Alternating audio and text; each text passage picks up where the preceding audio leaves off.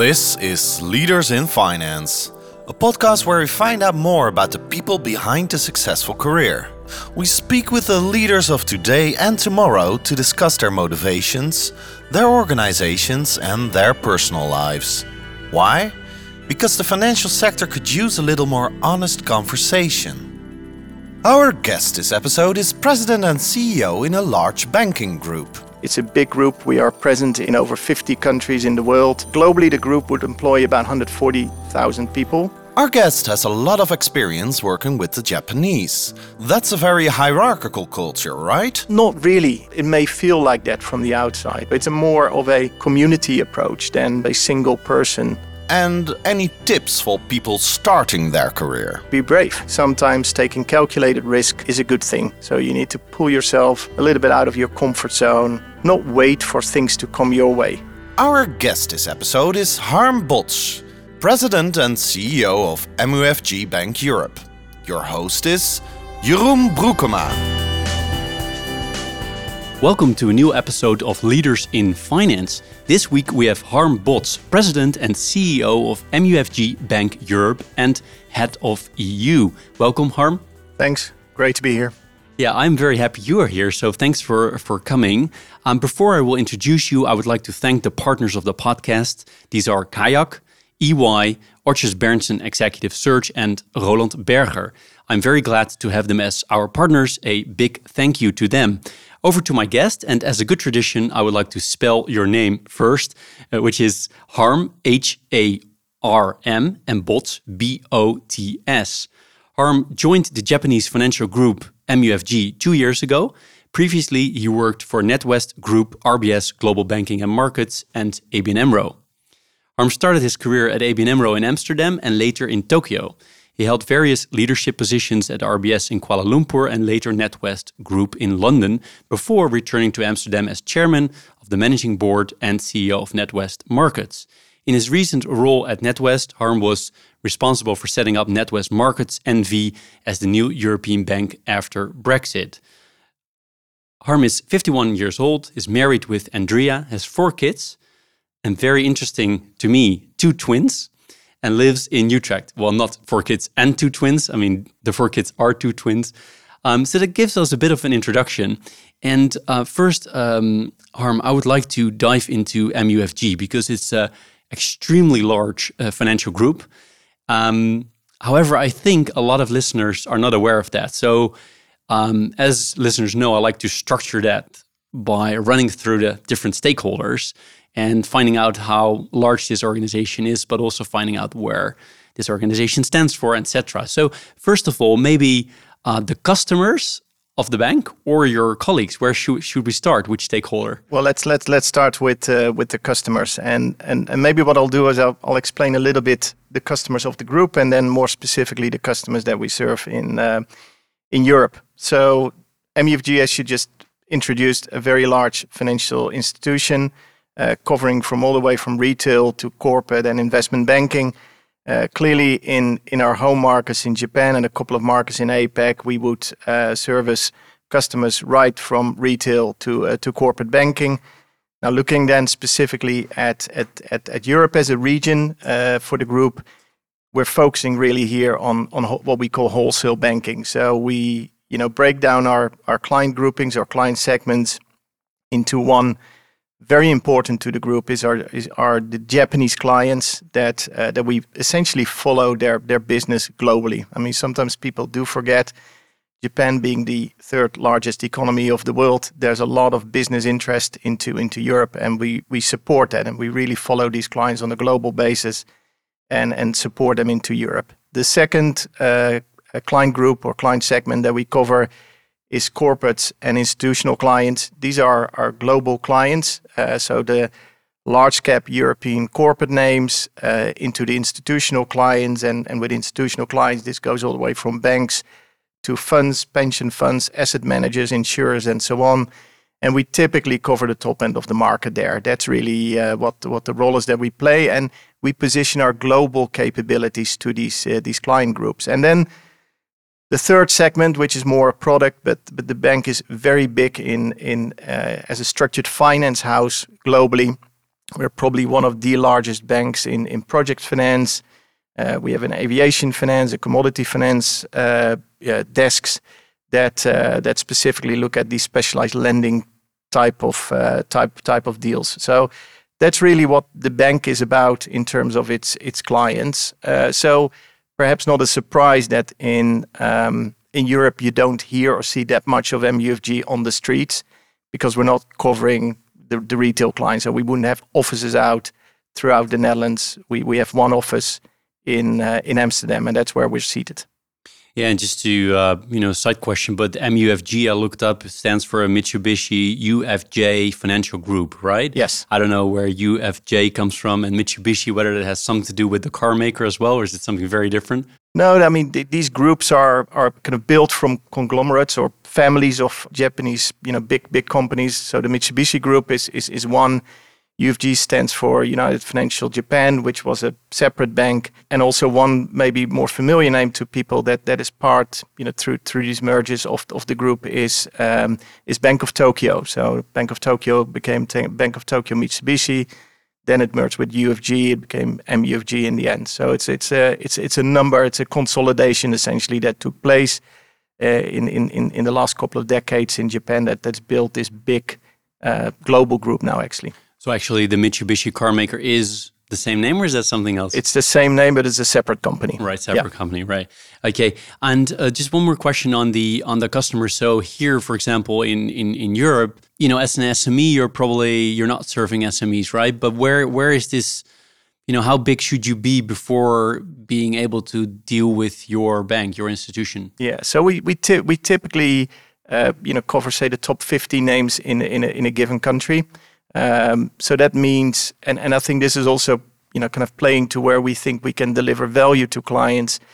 It's those clients that clearly need the global capabilities. So if you think about, um, you know, our, our group and many of our clients, they would typically have a relationship with a number of banks. They would not have a single bank. Some of these very large corporations, maybe 15 to 20 banks that they would have on their panel. So we would, in that space, be one of those banks.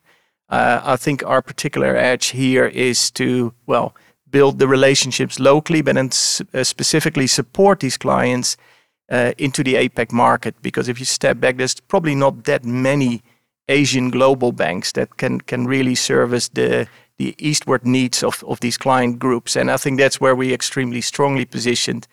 Uh, also because the bank is not only um, you know very well represented in, in Japan, we have in Asia very deep franchises. We actually, as a matter of fact, own a number of local banks in places like Indonesia, uh, in Thailand. Uh, we, we own a bank in the Philippines. So, so we go quite deep into these markets, very well established. Uh, so if, for example, Dutch or French or German companies would have business dealings into APAC, we are particularly, I think, well positioned to to help and support there.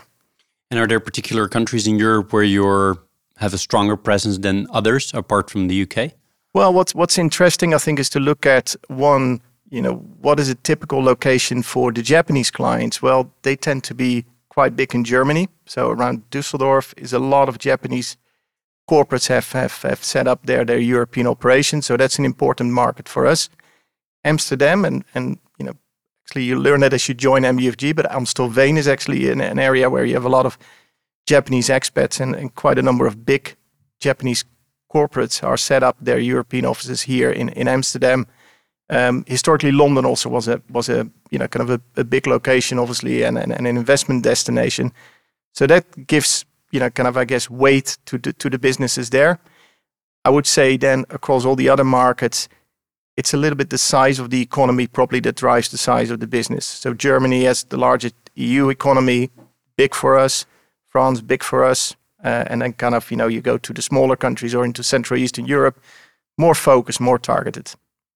If you acquire new customers, how does that work? Does that work in you know co close cooperation with Japan because they're when they're Japanese businesses and they start an office here, or do you also acquire you know new businesses in Germany, Netherlands, wherever in Europe um, entirely yourself from here? How does that work? So, so the Japanese business is, is, I think, is really interesting because that is truly a global business. So typically, this is very close coordination with our what we call the primary office, which is the the, the, the people in Japan that cover these relationships on a on a global basis, and then really have these these discussions with the client on you know what you know where you're investing, where you're building a business, and through that we we identify needs, um, but we also do it bottom up. Uh, you know we obviously are you know quite active in in in in that space ourselves. We may spot you know, kind of certain business developments or needs from clients being in the dialogue locally. And then really the, the role we play is connecting between those two and just making sure we, uh, we are well positioned across that whole relationship.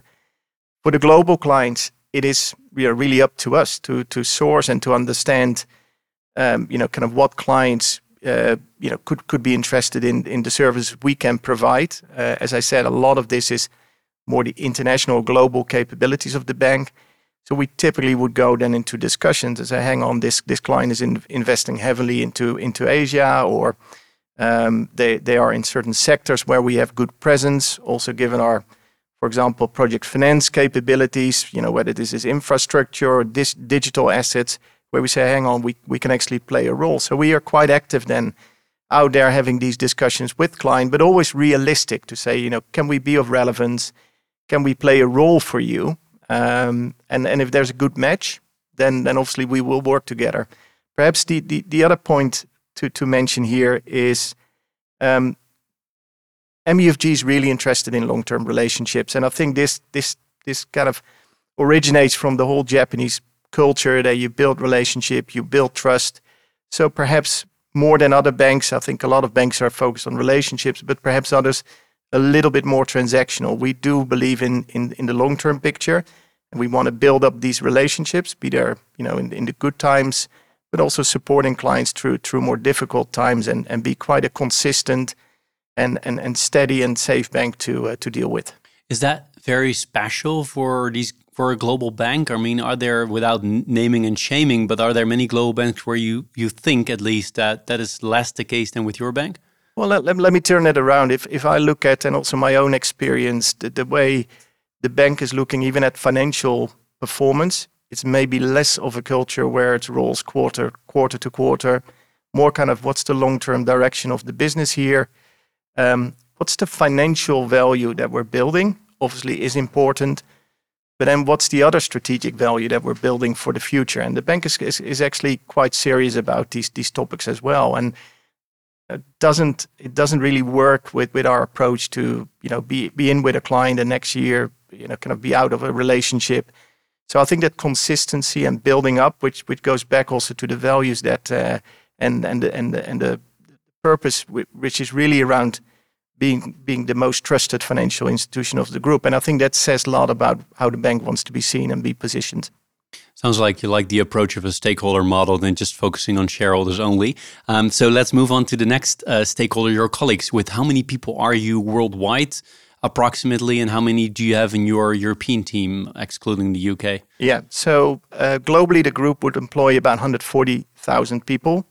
Uh, so it's a, it's, a, it's, a, it's a big group. We are present in, in, in over 50 countries in the world in EMEA as a region, because that's how we how we look at at, at the, the bank, the next level down. Uh, we're present, obviously, uh, in in London, in continental Europe, more selected uh, locations in in in the Middle East, Middle East and Africa. We have about four four thousand people employed across across the EMEA region, and then if I look at at the EU markets, that that's approximately a thousand a thousand people that that will be employed, located in offices across across Europe. Uh, maybe also interesting to say, you know, it's a very international and diverse, um, you know, kind of workforce. I look at, at at at Europe alone. I think that's 86 different nationalities. So we are a pretty international uh, international business. Are you the only Dutch person, or are there more? No, there are certainly in. Uh, so back to then Amsterdam. Um, Amsterdam employs about just over 400 people. So um, so there is you know good Dutch talent. Uh, you know, obviously well represented. Um, but again, equally, we have British, you know, nationalities. We have Central European nationalities. We have German. We have, you know, there's a there's a lot there. Well, with 86, yeah, you have yeah. pretty much. I mean, a lot. So, um, and then uh, moving to uh, to another stakeholder, um, the supervision. So how does that work? Because you're a global bank, you're operating in all these different countries, but for you particularly specifically, yeah. who do you deal with? So, so kind of again, maybe good to explain that um, the entity um, is is MUFG Bank Europe NV. That that is an entity with a separate credit institution license. And with that license, you know, there's a lot that, that, that needs to be put in place. So we are operating in a way almost as a standalone bank, as an entity, and that's how the regulator, you know, kind of tends to look at this and say, okay, you have a license, so therefore there's a there's a number of requirements you now need to fulfill. Um, so that relationship with with the regulator is pretty intense. But is that DNB or is that ECB? That's DNB for DNB, us, right? Yeah, because yeah. you're not big, quote unquote, enough yeah. on NV level to be supervised by Frankfurt. Correct, because there would be normally a, a 30 billion balance sheet thresholds. We're operating kind of 14, 15 billion right right now. Uh, we may grow to that over, over time. We, we, we, we don't know yet. But uh, so it's the DNB, pretty intensive, you know, relationship at that level. And then we also have, because, you know, we need to to have all our governance in place. We have a managing board, um, um, and then there's a supervisory board, which you know the chairman is Wietze Reehoorn, obviously you know kind of well known from from his his his, his roles at uh, at ABN AMRO. You know, very experienced there, and really what we're trying to achieve is to have very solid governance. Um, you know, the safety and soundness of the entities is an important topic but on the other hand, also to be seamless in terms of how we operate across the group. And because we do deliver a more integrated business model. And, and when I meet with clients, they're typically not that interested to, to hear what entity I represent. They want to do business with MUFG. They want MUFG to help them in, in Singapore or in, in the US or, or in Europe. And yeah, so we need to really bring that to, together for the client. So it's, it's constantly kind of managing that between the group and the entity and, and keep both really healthy and, uh, and, and in a good state. Means for you a lot of communicating as well as a lot of reporting, I guess, right? Yes, yeah. So what, and I've I've learned there, and, maybe we get to that earlier in my career. I was almost like on the other side working uh, with ABN in Tokyo, and then you realize how remote and how far away you are from from head office. So I invest quite a lot of my time. A lot of my days start with calls with Tokyo, and, and a lot of that is just bringing them up to speed. What's what's going on in Europe? How do we look at the uh, the market? What are the key risks on risks on the horizon? What are the key regulatory developments?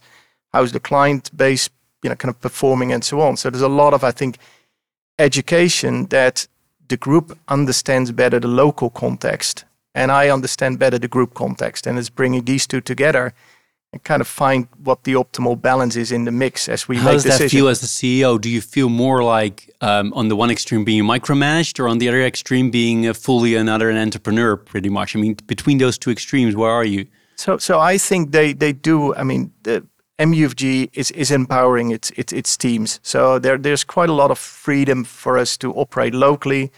Um, to, to do what we feel we need to do in order to run a successful business but we obviously should take note of, you know, what's the strategic direction of the group. I mean, if, if I would come up with proposals that are completely out of line with where the group wants to go, there at least would be questions, right? So right. I, I think it's kind of reading into, you know, where's the group going? How can we support the group, not only financially, but also strategically? And then what's a sensible role for us to play here locally and do that in a way that we keep the entity and the local operations safe and sound? And in terms of hierarchy, I mean, just curious, very practically speaking, yeah. but how many layers are between you and the CEO of the group? Yeah, so my reporting line is into what we call the regional executive for EMEA. So uh, that's uh, that's that's Sasaki, who, who's my boss in uh, in London. Um, he would report up to you know exco level in in Tokyo, and then from there on it would go into into, into the CEO. Yeah, it's like two, yeah, three layers yeah, between kind of yeah, yeah. I mean, makes sense with 140 plus uh, thousand people. So, um, um, other uh, stakeholder is uh, competition. Because yes, you're one of the largest financial uh, groups in the world, but who do you view here in Europe as your your competitors? Maybe not. You don't necessarily need to name their names, but maybe they are very different competitors than I expect. Yeah, so I think it's a, it's a really interesting question, and um, I think it depends a little bit on the activity you look at. So we look at our our Japanese inbound model or business. Um, we clearly see the other big Japanese Japanese banks in that that space. Um, uh, you know, these are you know all Japanese players, all with you know international presence. So you know that's where we compete typically head on head with the uh, with the other Japanese banks. Um, I think if we look at more at our global client segments, it's the international banks that that that, that we see a lot. So whether it's some of the bigger American banks or the bigger European banks, a couple of Asian banks, but not that much. I think that's that's really where we're we're, we're competing there. Um, and then perhaps more on the specialized, you know, kind of activities that I described, project finance, structured finance. Some of the French banks are quite strong. There's there's a couple of Dutch banks that that that that, that are very active in that space. So based on client product, we would find different different. But you groups. also work together all the time with them in club deals, and you you almost you never the only bank, as you said. Sometimes like 15, 20 banks, or it depends on the deal, or it's you know the daily cash flow management or the currency stuff, or you know so you you you meet them as competitors, you meet them as you know people yep. partners. No, absolutely, and and I think that makes you know kind of this this whole international banking uh, system so so so interesting. So you're you're absolutely right. So on on deals we may compete, and on the same day you know we may actually sit together. They may be a client of of, of the bank. They may be um, you know kind of a, a, a, key counterparty in a deal that we jointly drive. Um, there's also at an industry level uh, you know, quite a, quite a lot of cooperation, collaboration. Just just to mention one piece, MUFG plays quite an uh, important role in the Net Zero Banking Alliance, which is a group of 400 of the largest bank thinking about public policy uh, towards climate change and, and things like that. We very closely operate there together with, with all the other banks and, and, and are in constant discussion to say, okay, how can we how can we as a financial sector be you know, an important enabler of, of these you know, really quite profound developments. And how does that impact our clients? How does that impact regulation? So very much in partnership there. But sometimes on deals, yeah, it can be head on head. Well, then maybe it's a good moment to cover like society as a whole as a as a stakeholder. Um, the net uh, the net zero banking alliance is is that the alliance where recently also quite quite some big American companies left, or is that another one? No, that's uh, yeah. That, that, that is a space where I think you know you see globally, and, and I think this is our one of our readings also of the the the, the situation is that different regions are in different stages of, of, of, of, development, and I think one of the strategic values that that I think we bring also to the group, uh, and the group very much values that is that Europe in a way is a front runner of some of these these developments, is more advanced uh, not only on things like taxonomy, on disclosures and, and, and regulatory obligations. Uh, also, I think in terms of where clients are, in terms, you know, really thinking about, you know, how do we need to transform, you know, the business model. And one of the topics that we've been very active on is to say, well, we clearly have our net zero targets as well as an institution.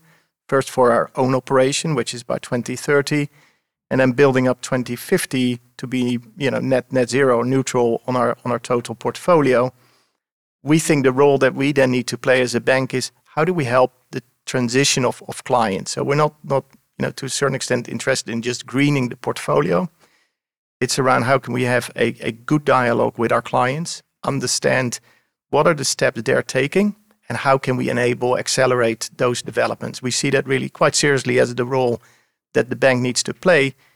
But if you look then, you know, one level down, you'll you'll find out, for example, that in Japan the challenges are quite different from Europe. I mean, just to give you an example, Japan is a, is an importer of of energy. Uh, because of the earthquakes, the seabed is not equipped to to to have pipelines there, so there's a lot of import of of, of energy. So the questions and the techno, you know, even the technology needed to resolve these issues can be quite different. So we think we need to be in quite deep conversations with clients into certain sectors, into certain geographies to really understand the challenges ahead and how can we help these, these clients to move forward. But here I can imagine that for you, it's a really good thing that you have this long termism view, if that's the case in practice. But my question is, how do your shareholders allow you to do this? Because we come to well, maybe you can also cover the stakeholder ownership because yeah. that maybe explains a little bit. But it's interesting, right? Because you have shareholders that are also looking for profits here. So I assume, at least. Well, I think they look for, you know, obviously profitability is in, important, but the sustainability of the profitability is also very important to, to, to shareholders. So I think, you know, we want to work with clients that are clearly thinking ahead, thinking about the future. We don't want to, you know, kind of long-term work with clients that, you know, become obsolete or completely outdated in terms of their own, uh, uh, you know, business model. So I think it's very, even from a risk standpoint, very logical for us to to have these discussions to say, okay, hang on, what are the steps you're taking to to to move yourself forward? But why are your shareholders uh, apparently allowing you? So who are they, by the way? Yeah, so you know, it's it's a what you typically see. There's a there's a still a big um, Japanese shareholder base, but increasingly also an international shareholder base. I think the shareholder is also interested to work um, and to see the bank working, you know, on these uh, these these topics and, and developments. And actually, as a matter of fact, uh, you see more and more investors also being vocal and active to say, well, we for our own portfolio and investments, you know, want to understand better what the bank is doing in order to be net zero. So it it's it becomes a a real KPI also for shareholders. So it's not only the the actual profitabilities, in a way, the quality of the income we generate, and how that plays into these important society topics like climate change. No, it totally makes sense, right? But yeah. I'm just trying to figure out if there's like blocks of big shareholders that apparently are less focused on those quarterly results. Why that is the case that they allow you? Because there are many other banks in the world that would maybe say they're very long termism, but they're not in practice. Well, I think that the investor world is really moving you know towards towards you know what I just described, and I and I think more and more investors get also the point that if if we don't innovate as a as a as a financial group, then our future success will be on the line. So we need to invest time, money, effort into into these topics, and it's also being, I think, a um, a client centric bank because this matters to our clients. So if it matters to our clients, it has to matter to us as a as a bank. Otherwise, we can't really service help clients. And these topics, um, if I go out and see clients, it's consistently a topic what we talk about a lot. You know what what are the plans here? What are the you know the approach that you you take? Um, what help do you need from the bank to help and support you on that on that journey? Um, you know, is is that also for the stakeholders of our clients? Is it going fast enough? Uh, you know, what are the risks in terms of new technology that you that you're trying to deal with. So I think these are really highly interesting conversations to, to be in, but important, I think, for all stakeholders in the system, to be honest. It's interesting how you say that Europe is ahead. So I, I, assume that also in Japan they're they're interested in how these things are done here. Like for example, the E is gets a lot of attention here, where maybe I would argue the maybe the S gets much more attention in the US, or so you have different areas in the world where you're maybe ahead of things. I'm, just, I'm also very curious about uh, your role because uh, apart from a very different organization that you now work for the last two years, uh, you're in the CEO position of a entity. Is that very different than your previous roles? Well, it it it it, it is to a certain extent because again, the entity uh, you know gives a lot of um, or brings a lot of new perspectives on on these topics as well because suddenly now we are as a licensed entity uh, required to you know be able to report to to our regulators certain things uh, in terms of our annual report you know there's disclosures that we need to think about the regulator is also thinking along the you know the risk spectrum to say okay how do you actually um, how do you actually identify these, these these these risks that sit in your portfolio? Because if you have too many clients that are exposed to you know, client transition risk, how how do you measure that? How do you quantify that? So there's quite a lot of discussion at the entity level. Now, what we try to do also as an entity is to remind, for example, the regulator that we understand these, you know, obviously legal or regulatory obligations, but it has to be seen within the context of the wider group because again we shouldn't forget that the impact in terms of climate change at um, at an MUFG level with a balance sheet of over three trillion, you know, is going to be much more impactful than than what I can do locally. So I see my role as obviously doing what we need to do for the entity, but really equipping, positioning the group, you know, on these big questions and to say, well, this is what we're learning, this is what we're seeing in Europe it's very likely that a lot of these developments will hit our markets again where we're big whether that's southeast asia whether that's the us whether that's in, back into japan how do we build up the knowledge base, the expertise? Um, and this part is very different for you from what you did before? I think so, yeah. Yeah, no, it is different because we see a lot. And perhaps also the other dimension here Tokyo is far away from Europe. So the opportunity, I mean, if I go back to uh, my time at, at RBS NatWest, you know, London is around the corner, so much closer to the market. Um, Tokyo is, is far away to a certain extent. So actually briefing, educating, helping the group to understand. And is it far away geographically, or is it more culturally far away, or both? Both, I think, a little bit. Yeah, both, and and just physically, it's not that easy to. Well, I uh, you know just came back from Tokyo. Reminded me again.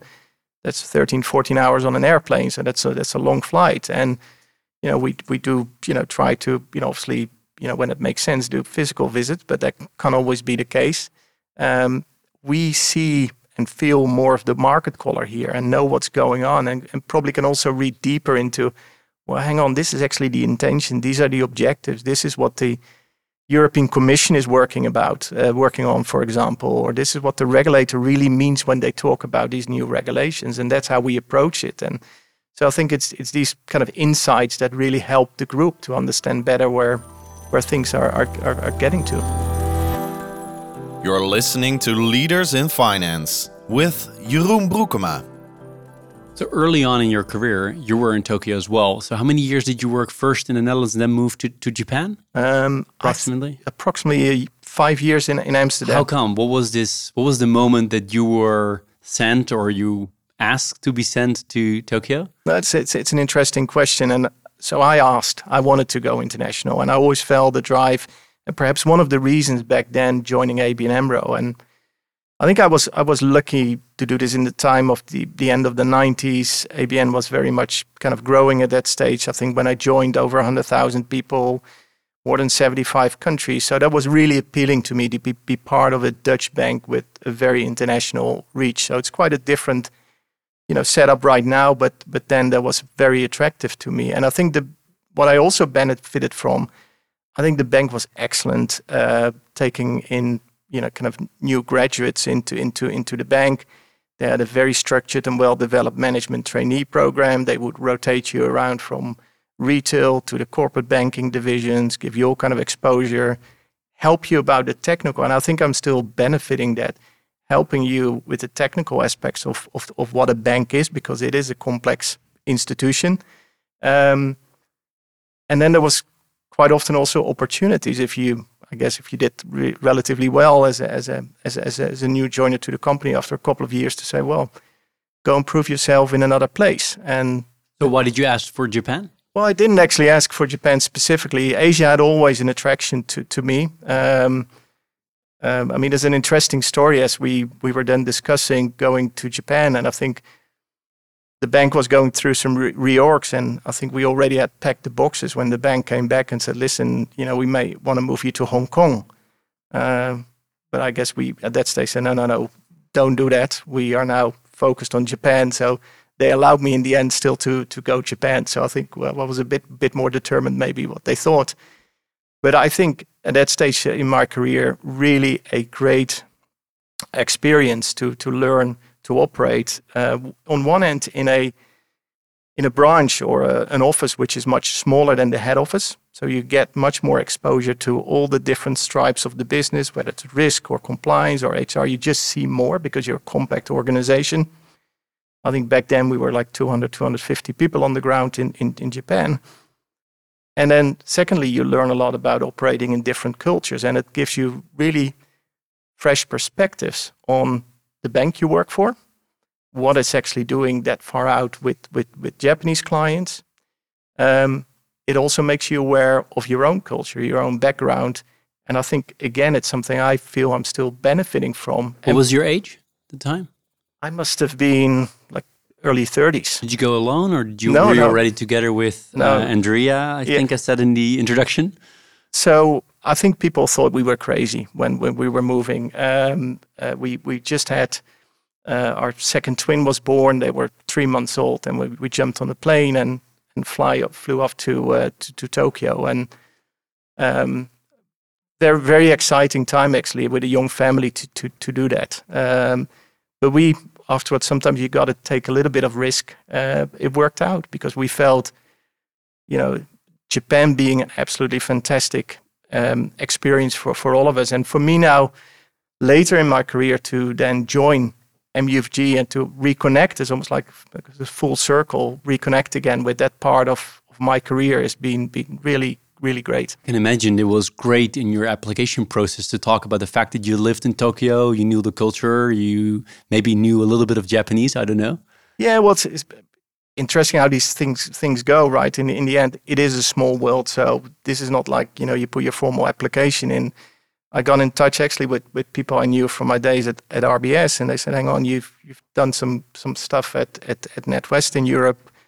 We may need some of that skill set into our organization, and we're thinking maybe appointing a first non-Japanese CEO for the business. Because you're the first, right? I'm the first. Yeah, yeah, yeah, yeah. Was that exciting for you? I think was exciting, yeah, because you, well, you do feel this is an actually an important change for the group. I think they're thinking quite deeply about, you know, in order for us to be successful, um, you know, we, we probably need local talent to, to, to run the to run the business. It's not easy uh, these days. Europe is a quite complex market to to understand all its regulation, to understand and build the relationships with client, with other stakeholders.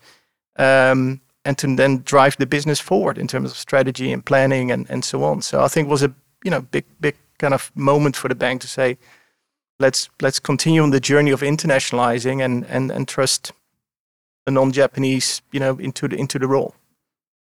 Great responsibility.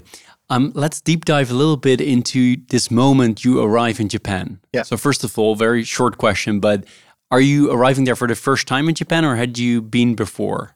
No, so we we had been there before, and you know, I think the first trip, um, Andrea, my wife, was high, highly pregnant, and and um, we were on some sort of pre-assignment trip, you know, just to get a sense of what Tokyo looked like and, and how it would be to to live there. So be, we'd been there before. But you knew you were going, right? We knew at that stage yeah. we would be going, unless we would say we don't want to go. But uh, we, we, we, we did want to go. Um, and then literally you get into this this process of packing up and preparing for for, for leaving and then in between somewhere the, the second twins were, were born and oh my god so there was a lot of yeah boxes being moved around and, and, and little children to to look after.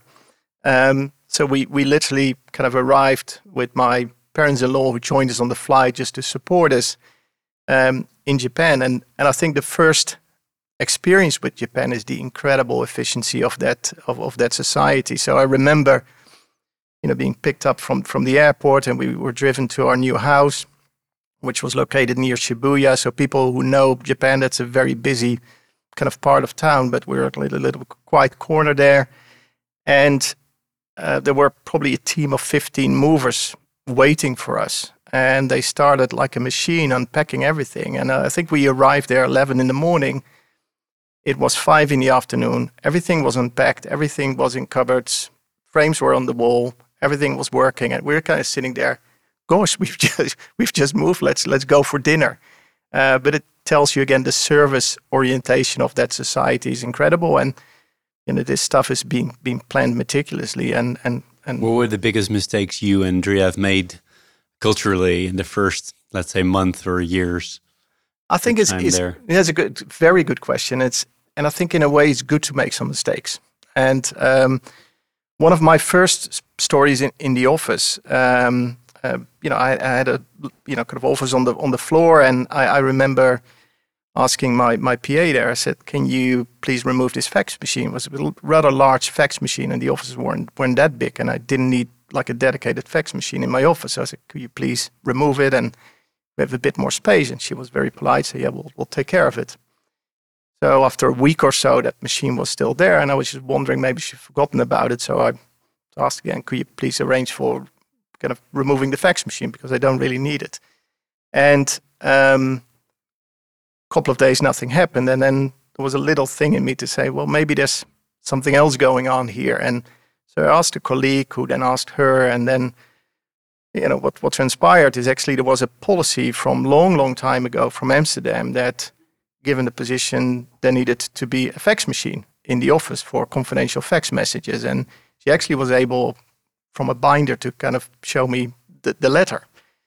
So then we arranged for somebody in Amsterdam to send a fax message to say that this machine was not needed any longer. And then it was safe and it got removed in, in, in a few seconds. But it tells you something that, you know, once decisions are taken, that the Japanese are, you know, very detailed in, in, in implementing these, these decisions. And then in order to change that, you know, there, got, there has to be a bit of a process with consensus that.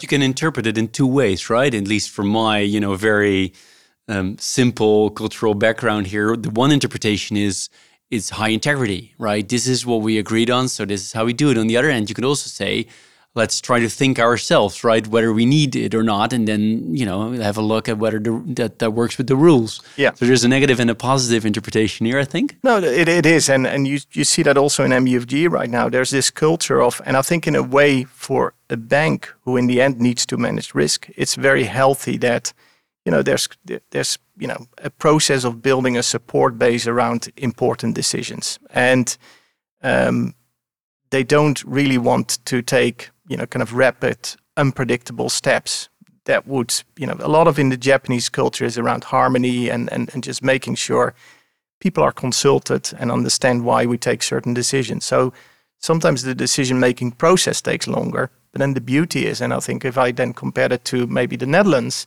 a decision, you know, is, is maybe taken, but then the next week people will argue whether or what the decision actually is. Well, that won't happen in the Japanese culture. Once that decision is taken, taken, then it's supported and it will be will be implemented. So the I think the execution process on the back of it is quite quite a lot clearer. That's very interesting. And the from a hierarchy perspective, is much more hierarchical.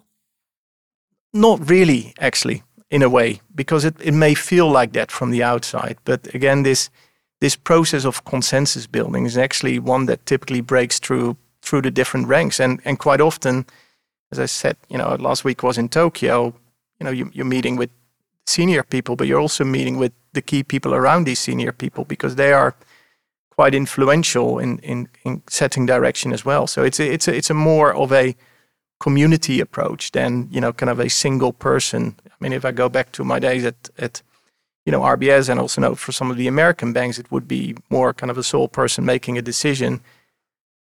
There's maybe an extreme to kind of uh, describe it that way, but I think in a, in a in an institution like MUFG, it is wider, you know, kind of consensus building. That is an important part of the process.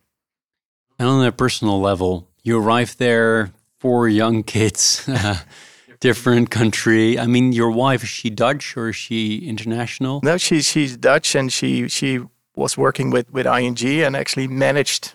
Uh, I guess this tells something also, also about kind of this pre-financial crisis. The opportunities was to, to continue to work for a while, even for for for ING from uh, from Japan. So it was a pretty busy family life, and I still remember a point in time, I think was on a Sunday sitting there that I said to my wife, wow, I've now finished reading a full article in the newspaper without being this interrupted by the kids. Unique experience. Yeah, exactly. But it's what it's. How did you guys um, manage this? I mean, on a, on a personal level, was there a lot of help if you were both working?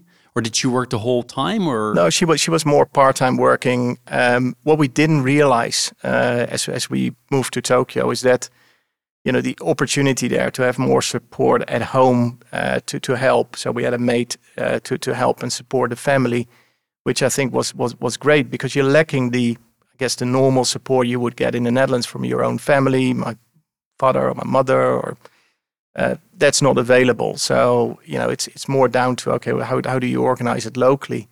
Um, but with that support in place, and then I mean the other thing is Japan is Tokyo is a is a I mean it's, it's a very interesting city to to live. It's also a very safe city um, uh, to to live. So we didn't worry too much. Actually, we are just enjoying being there, and we always felt being guests into a very welcoming place, which Japan is. And then beyond that journey, every day there would be a little adventure. And I, I remember sitting down at dinner and I'd say, well, hang on, what I just you know experience today because you learn every day certain things and you're being thrown back to to your own basics i mean another great story is i was at that stage also covering uh, korea so i was on flights regularly to uh, to seoul and i was leaving from a smaller airport haneda airport in tokyo and I thought it was maybe easy to have a li- little bit of cash on me. So I was looking around for the, the ATM, and I knew there were only two banks where I could operate the ATM. One was Citibank, one was a Japanese bank. And I was looking around, and I knew there was somewhere a, Citi ATM there, but I couldn't find it. And then somewhere in the corner there was an, an ATM that I thought, well, let's let's give it a try, see if I can if I can manage it. So I went there and put my card into the machine and it was all in Japanese. You try to kind of second guess what the screen is, is saying. And that this tells again, you know, how helpful the, the Japanese, because somebody saw me struggling and, and a lady came up to me and said, can I please be, be of help? And she helped me and I said, enter your PIN code. And then funny enough, it, the machine was asking me, can you please, what's your name? I said, well, I never had my name, but anyway, at that stage you're used to Japan is so different. And then it asked for my home address, and she helped me to key in. So maybe it's one of these smaller regional banks or something like that. That that anyway. Uh, then it asked for my birth date, um, and then you know it returned my card and it returned this you know kind of receipt. So I was kind of waiting for the cash to come out, and then the lady said, "No, no, this is not a cash machine. You've just purchased." one day of travel insurance and then you feel you know you're so back to the basics again trying to trying to live in a society that's so different but also equally so interesting I hope it covered Seoul as well, Korea, and your, your travel insurance. Anyway, that's a, that's a great story. Yeah, how was it? Um, how old old were your kids when they left Japan? Did they still have a vivid memory of it? Did they learn Japanese, or were they too young? No, they were they were too young. I think um, my oldest daughter, I think she was she must have been like four, four, nearly mm. five. So some vague memories. But um, we just recently went back on on a holiday this this summer, and and we, we we went back to Malaysia where we also lived, and there there was much more memory. Right. So did you grow up in an international family? Um, I'm trying to uh, figure out here whether this international drive of you um, was something that you you know you were raised with or not. Not, not at all. Not at all. I mean, I grew up in in in Gouda uh, in a in a very warm uh, family. Uh, I have one older brother. My uh, my father worked for the domestic Red Cross and and was at the kind of national office in The Hague. Uh, so there was actually not much kind of international there. But I always had a deep in kind of interest in in just the world around us. So that has always been been I think part of me. And then why is that the case? Yeah, I don't know. I just grew up. I was always, even when I was young, reading reading the newspapers and, and turning to the international sections of, of the newspaper. I was always kind of interested to what's what's going on in this this big wide world. Um, and then there's there's probably a number of people that, that that were quite important. Then I got to know my wife, and um, her parents spent um, um um, you know, a few years when my wife was very, very young and actually was born there in Nigeria. He was working for the UN for a couple of years, and they always talked so positively about that experience. And so that kind of drove something in me like that's something I would want to do as well. Wouldn't it be lovely, young family, go abroad, experience the rest of the world? And then we also have friends um, um, in, in, in London and a part of that kind of Nigerian connection. And they were also traveling and working and living abroad. So they had great stories to tell as well. So I think you hear these stories. I mean, stories sometimes are important and they they just created something. And it, that, that maybe was also one of my drivers that when when I wanted to go and work, to say I definitely want to work for an organization where there's a lot of exposure to to to to, to kind of the wider globe. And even coming into ABN AMRO those days, the workforce in Amsterdam was very international and you know, we operated in English and and then being offered the opportunity to go abroad was great. But even before I went abroad, I was traveling quite a lot for the bank and we went to different places. So And yet you're still working very internationally, but you decided to live at some point here, right? That was a conscious decision yeah, and I, I, mean, I always bless myself to be quite quite lucky with, with our decisions. Um, actually, when we moved to London, that was also a bit of an instant kind of decision because the, the bank, this was midst of financial crisis, and, and, and RBS had done this acquisition and got themselves into trouble, government bailout and so on. And at that stage, you know, was was a discussion like, okay, end of my assignment in, in Malaysia. What are we going to do? And and in the end, we ended up in um, in London, really because I think they needed a couple of people that knew the ABN business really well, and um, we we then you know worked through through the restructuring. But I still remember we were on holidays out sailing in in in the, in the Netherlands, and I got the call from London to could, you please be in London tomorrow. I didn't have a suit with me or whatsoever, so I drove down to I think Leeuwarden, bought a suit, bought shoes, bought a, bought a tie, jumped on a plane, went there, interviewed, and then kind of came came home and said, "I think we can go to London." And my wife said, "Yeah, let's go for it. Let's let's give it a try." So we lived there then for uh, I think nearly seven years in London, so quite quite a bit longer than uh, than in Malaysia and Tokyo. Um, and then we made a decision because my youngest two uh, children would would finish primary school, they would start secondary school. So we were at this stage to say, what you know, do do we want to recommit for another seven years so they can do secondary school? And we decided at that point, well, maybe it's good for them to get some some roots somewhere. Otherwise, they you, you keep traveling around. And we then made the decision to go to go back to the Netherlands and as a, almost like a coincidence because we made that this, the decision in the uh, Christmas 2015. In the summer of 2016, Brexit happened, and then RBS or NatWest then asked me the question, "Well, we need to do something with European licenses. Can you please figure out what we need to do?" So I ended up flying around, seeing different regulators. And then that's maybe a full circle story as well. Realized that in Amsterdam we still had the license of the old ABN. And actually, the entity, the legal entity, was also the old ABN AMRO entity. That's how, how that breakup of the, of the bank was done. And RBS ended up owning it. So I said, well, that's now a valuable thing we, we definitely need to, need to keep. Um, so that's how I ended up back in the Netherlands, but more coincidence than, uh, than a plan. But I think the plan was for the family, it's right to go back. So that's what we did. This is Leaders in Finance with Jeroen Broekema. So it's very clear that one aspect of Harm is the international drive and your interest in different cultures and countries, etc. What are other particular things that you know, if we would like to get to know you as a as a person better, what are things that are important to know? Yeah, so I, I think I mean relationships to me are really important. Um, so the family, my family is incredibly important to, to me. Um, you know, we have a close, and I have a close group of friends that are really important to me. So I, I, I really value relationships. Um, you know, kind of maybe, maybe also in terms of keeping relationship with old colleagues you've worked for. I've just talk, talked earlier around us being, you know, back in APAC, and I I lunch with old colleagues from from back then, and I I really enjoy that to to to to keep relationship.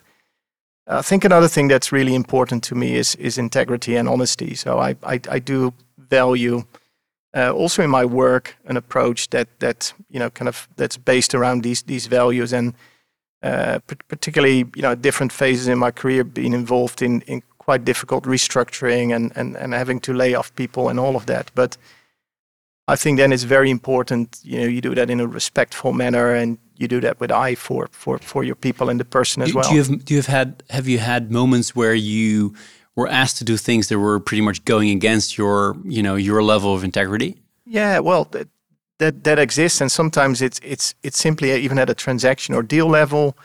Um, something that so so what do you do sorry to interrupt but i'm just curious like what do you in practice do? Because that's where people can learn from like if you feel like this is something i actually don't want to do are you then going against it right away or what's your way of dealing with these moments? Because i think everybody can relate to that. Yeah so i think it's testing and, and one test i've i've i've been using um, is a test and i call it moments that matter right? You, you you have a dilemma and, and you need to make a decision and you say okay how do we approach that? And and one test i think that's that's you know very very kind of insightful way of thinking about the problem is if this decision, one way or the other, would end up in a newspaper in three or four or five years' time, would I be comfortable with that article or not? And if the answer to that question is, I actually would not be comfortable, I think then you need to go back to the drawing table a little bit like, is this the right decision? Because it's, it's back to kind of the short term, long term. Maybe short term, it may be convenient, but maybe long term, it may be problematic. And I think this is so important as part of the the culture also that we're trying to build within. Yeah, within right. But if your boss is against it, You know, you can get in these moments yeah. where you you have to. I'm not saying you're trading your integrity because that's what you don't want, but I guess there can be you know difficult moments, especially yeah. when you're restructuring, as you said. I mean, yeah. this is this is about people and it's about relationships, right? Which you find important as well. So there's some. Yeah, and I think it's then the, the the the quality of the dialogue you need to have with your boss, right? And and I think you know we, we, we I, I, remember sitting down in, in at various stages of my career to say I don't think this is the right decision. I don't think we should take it and explain why you believe that's the case.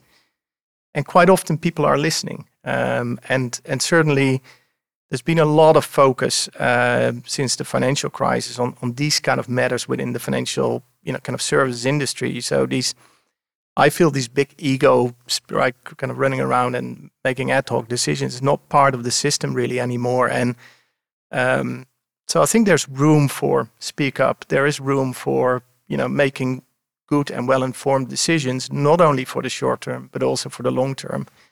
And I, I don't think you need, therefore, or you should not be in a position to trade off your integrity. I mean, truly, if if it comes to being forced, I think you then need to wonder. Because you seem I to be, be someone that looks for the dialogue, right? You yeah. seem to be nuanced there. Um, but have you had moments, uh, you don't need to specifically name them, but where you ultimately decided, well, this is not going to work for me, so I either leave or, or you're always keeping up the dialogue and ultimately finding some a way to to deal, or are there also moments where you just said, no, I, I can't do this, I don't want to do this? Yeah, no. So, so I, I think I've managed through that. Uh, there, there, certainly have been moments when, you know, kind of a, there was a direction, and you say, listen, this I don't think this works, but then through dialogue, through good conversations I mean, in a way, I'm very rational as well to step back to say, okay, do we understand the risks of this this decision? Do we understand it short term, long term? Um, and then make making informed informed decisions. I am I'm, I'm a big believer in the end in, you know, typically people come to work to do the right thing. I mean, they're not trying to kind of fool the system or so. I, I do believe also in empowering people to get on making making decisions. Uh, but you need to sometimes have these honest conversations, certainly at management level, to say, hang on, this is actually not working. We shouldn't be doing this. We need to draw a line here. And, and, and we do do that. One question, which is very general, which I um, quite often ask, but it's you can take it either way, you know, any way you like it to take it. But have there been moments in your life or in your career or both, you know, personal or work life that have been crucial that are you know, have been have had massive impact. I mean, Japan is moving to Japan definitely is one. I'm yeah. sure. I'm going to mention that one. But are there other things? Well, I think there's there's there's certainly things. I think you know, kind of having a family around you with with children is is is, is an important moment because you suddenly feel.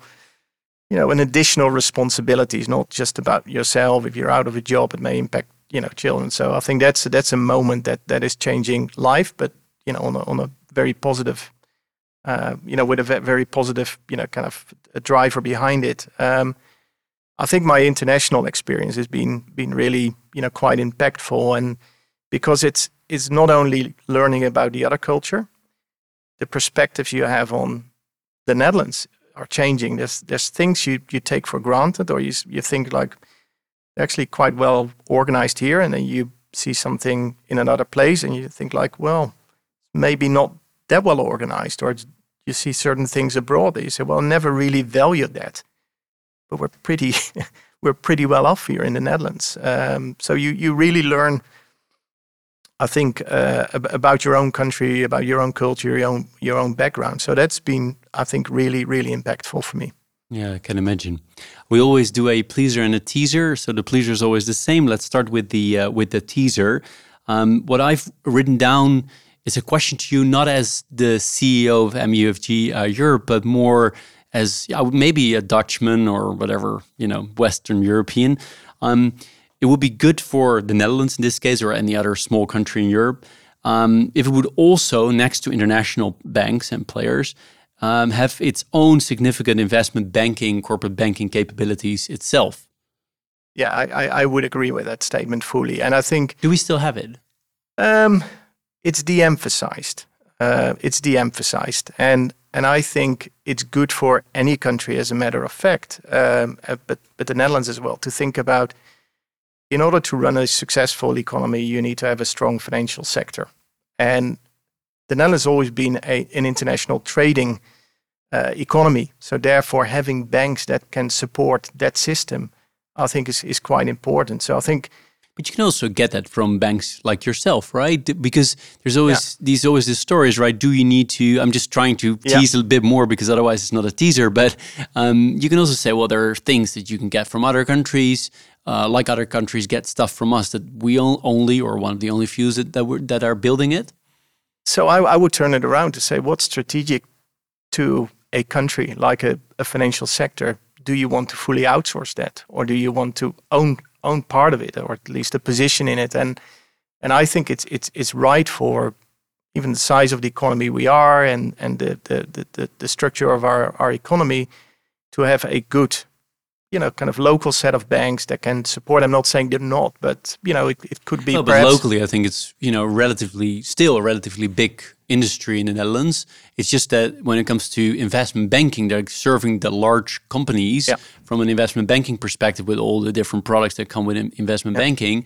Um, how I trying to figure out with you how strategic that is. I don't know. Yeah. So so I think it's it's strategic, and I think it it, it is strategic to uh, to have good positions across all layers of the economy. So I think it's strategic that you have banks that support individuals, right, with good, fair banking products. I think it's very important that for small and medium-sized enterprises, there's really good banks that help support because these companies typically could grow to something really bigger and be able to to support that. And then equally, there's very large companies or international companies that have again shifting needs and i think it's it's really important that there are then um, you know kind of again parties that can help these clients now i think the international banking business is a very international business so it's logical that you would probably find a mix of international banks but I think for the Netherlands to have. How would we, what, what should we do as a country from a political viewpoint or maybe a banking viewpoint? But what should we do to get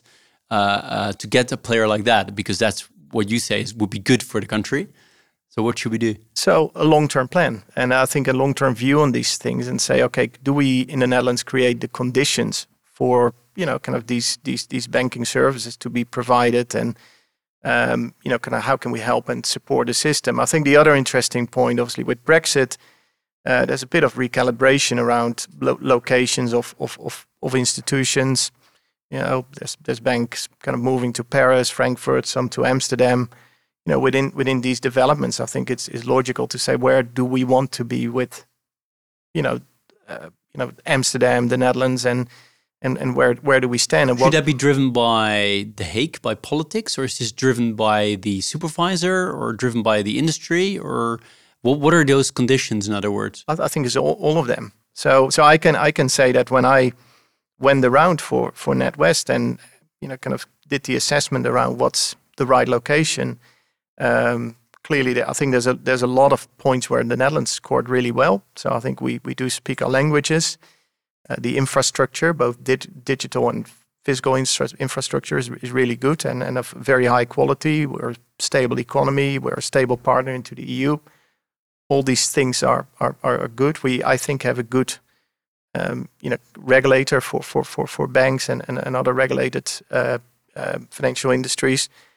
Um, so there's a lot to, to, to, you know, kind of to, to say that that's a good location, but there's always then going to be some level of competition, I guess, with, with other locations. So, so I think there should be an assessment. And if you ask, you know, what's the most important parties? I think it's the parties coming together. So I think it's the financial sector talking to uh, you know, public policymakers. It's talking to regulators and to say how how do we want to be positioned. The kind of kind of my words, yeah. not, not yours, but yeah. it kind of feels like if you think this is a good thing, because that's obviously debatable.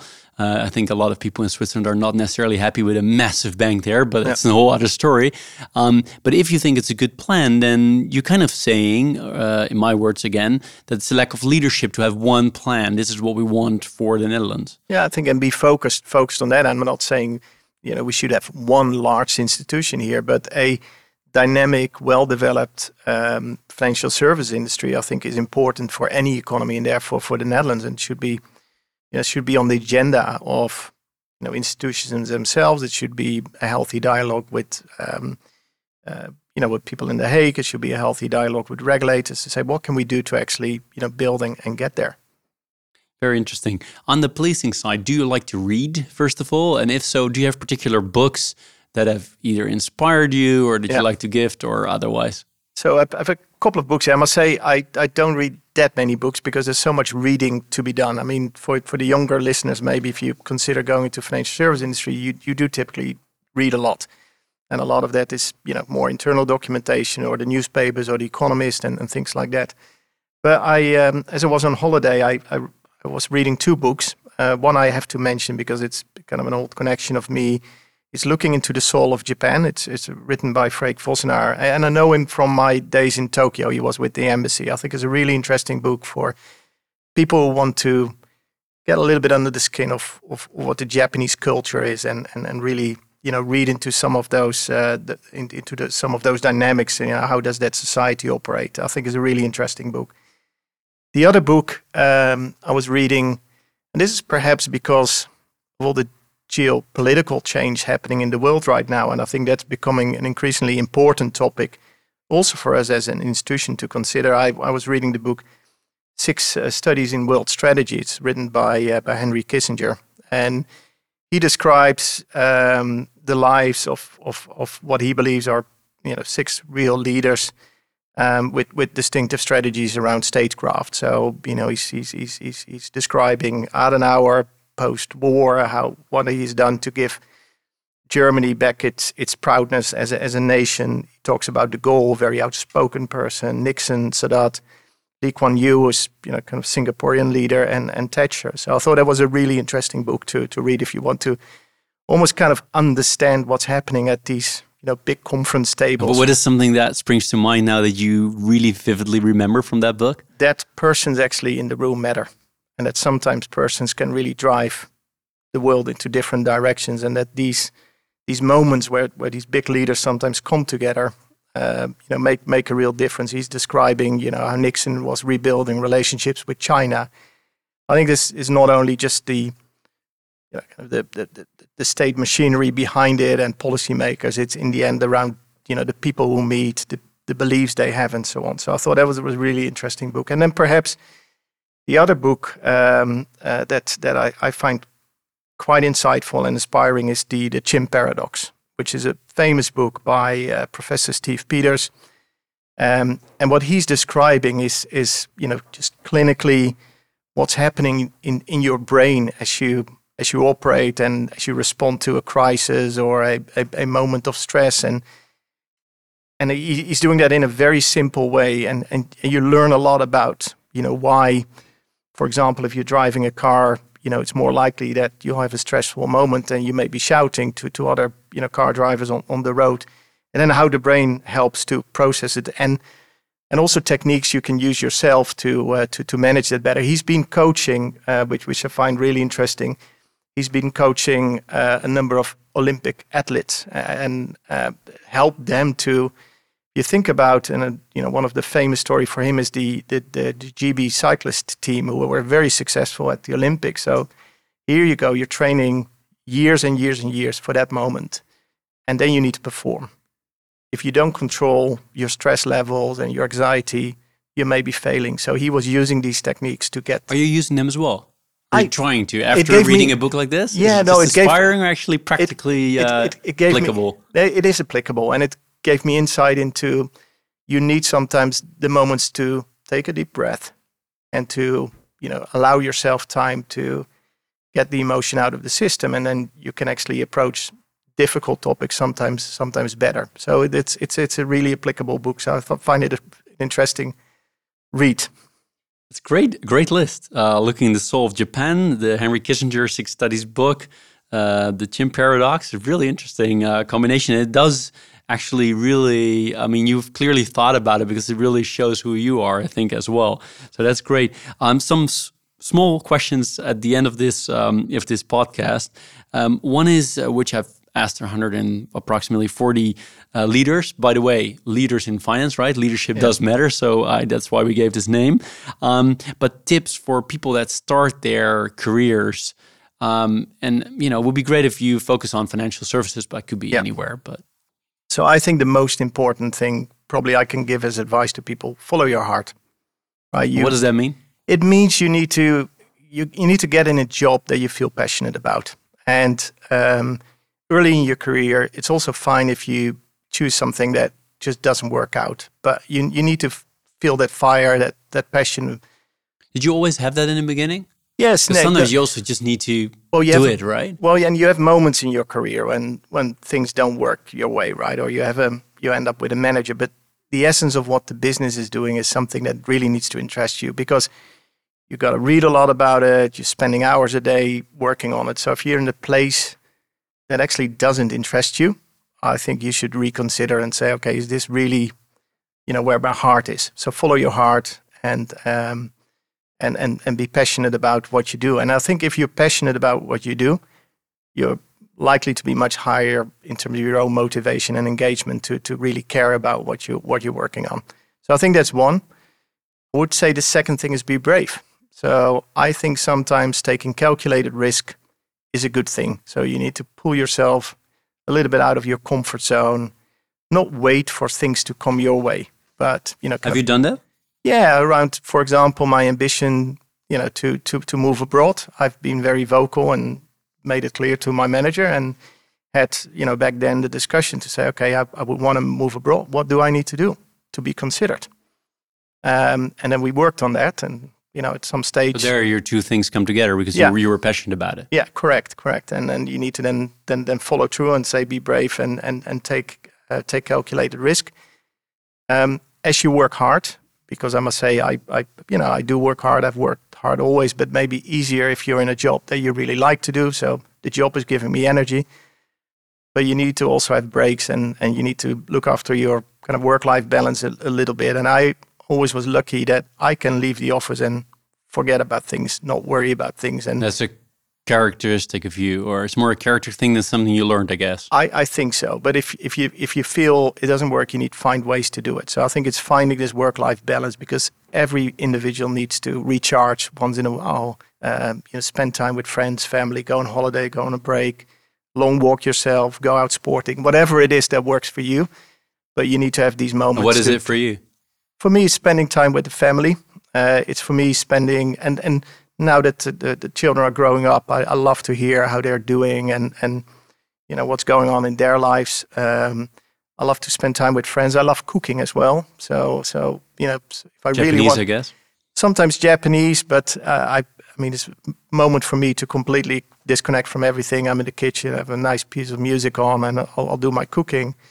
Um, I, I, like to do that, and and also sometimes sport. Uh, sport is a good way just to just go out running and, and forget about everything. Empty your head. Good music, you know, your headphone, and then off you go. And was it popular music, classical? Oh, a mix mix of stuff. But when I'm running, it it has to be something that that's quite energetic. Some beat. yeah, yeah.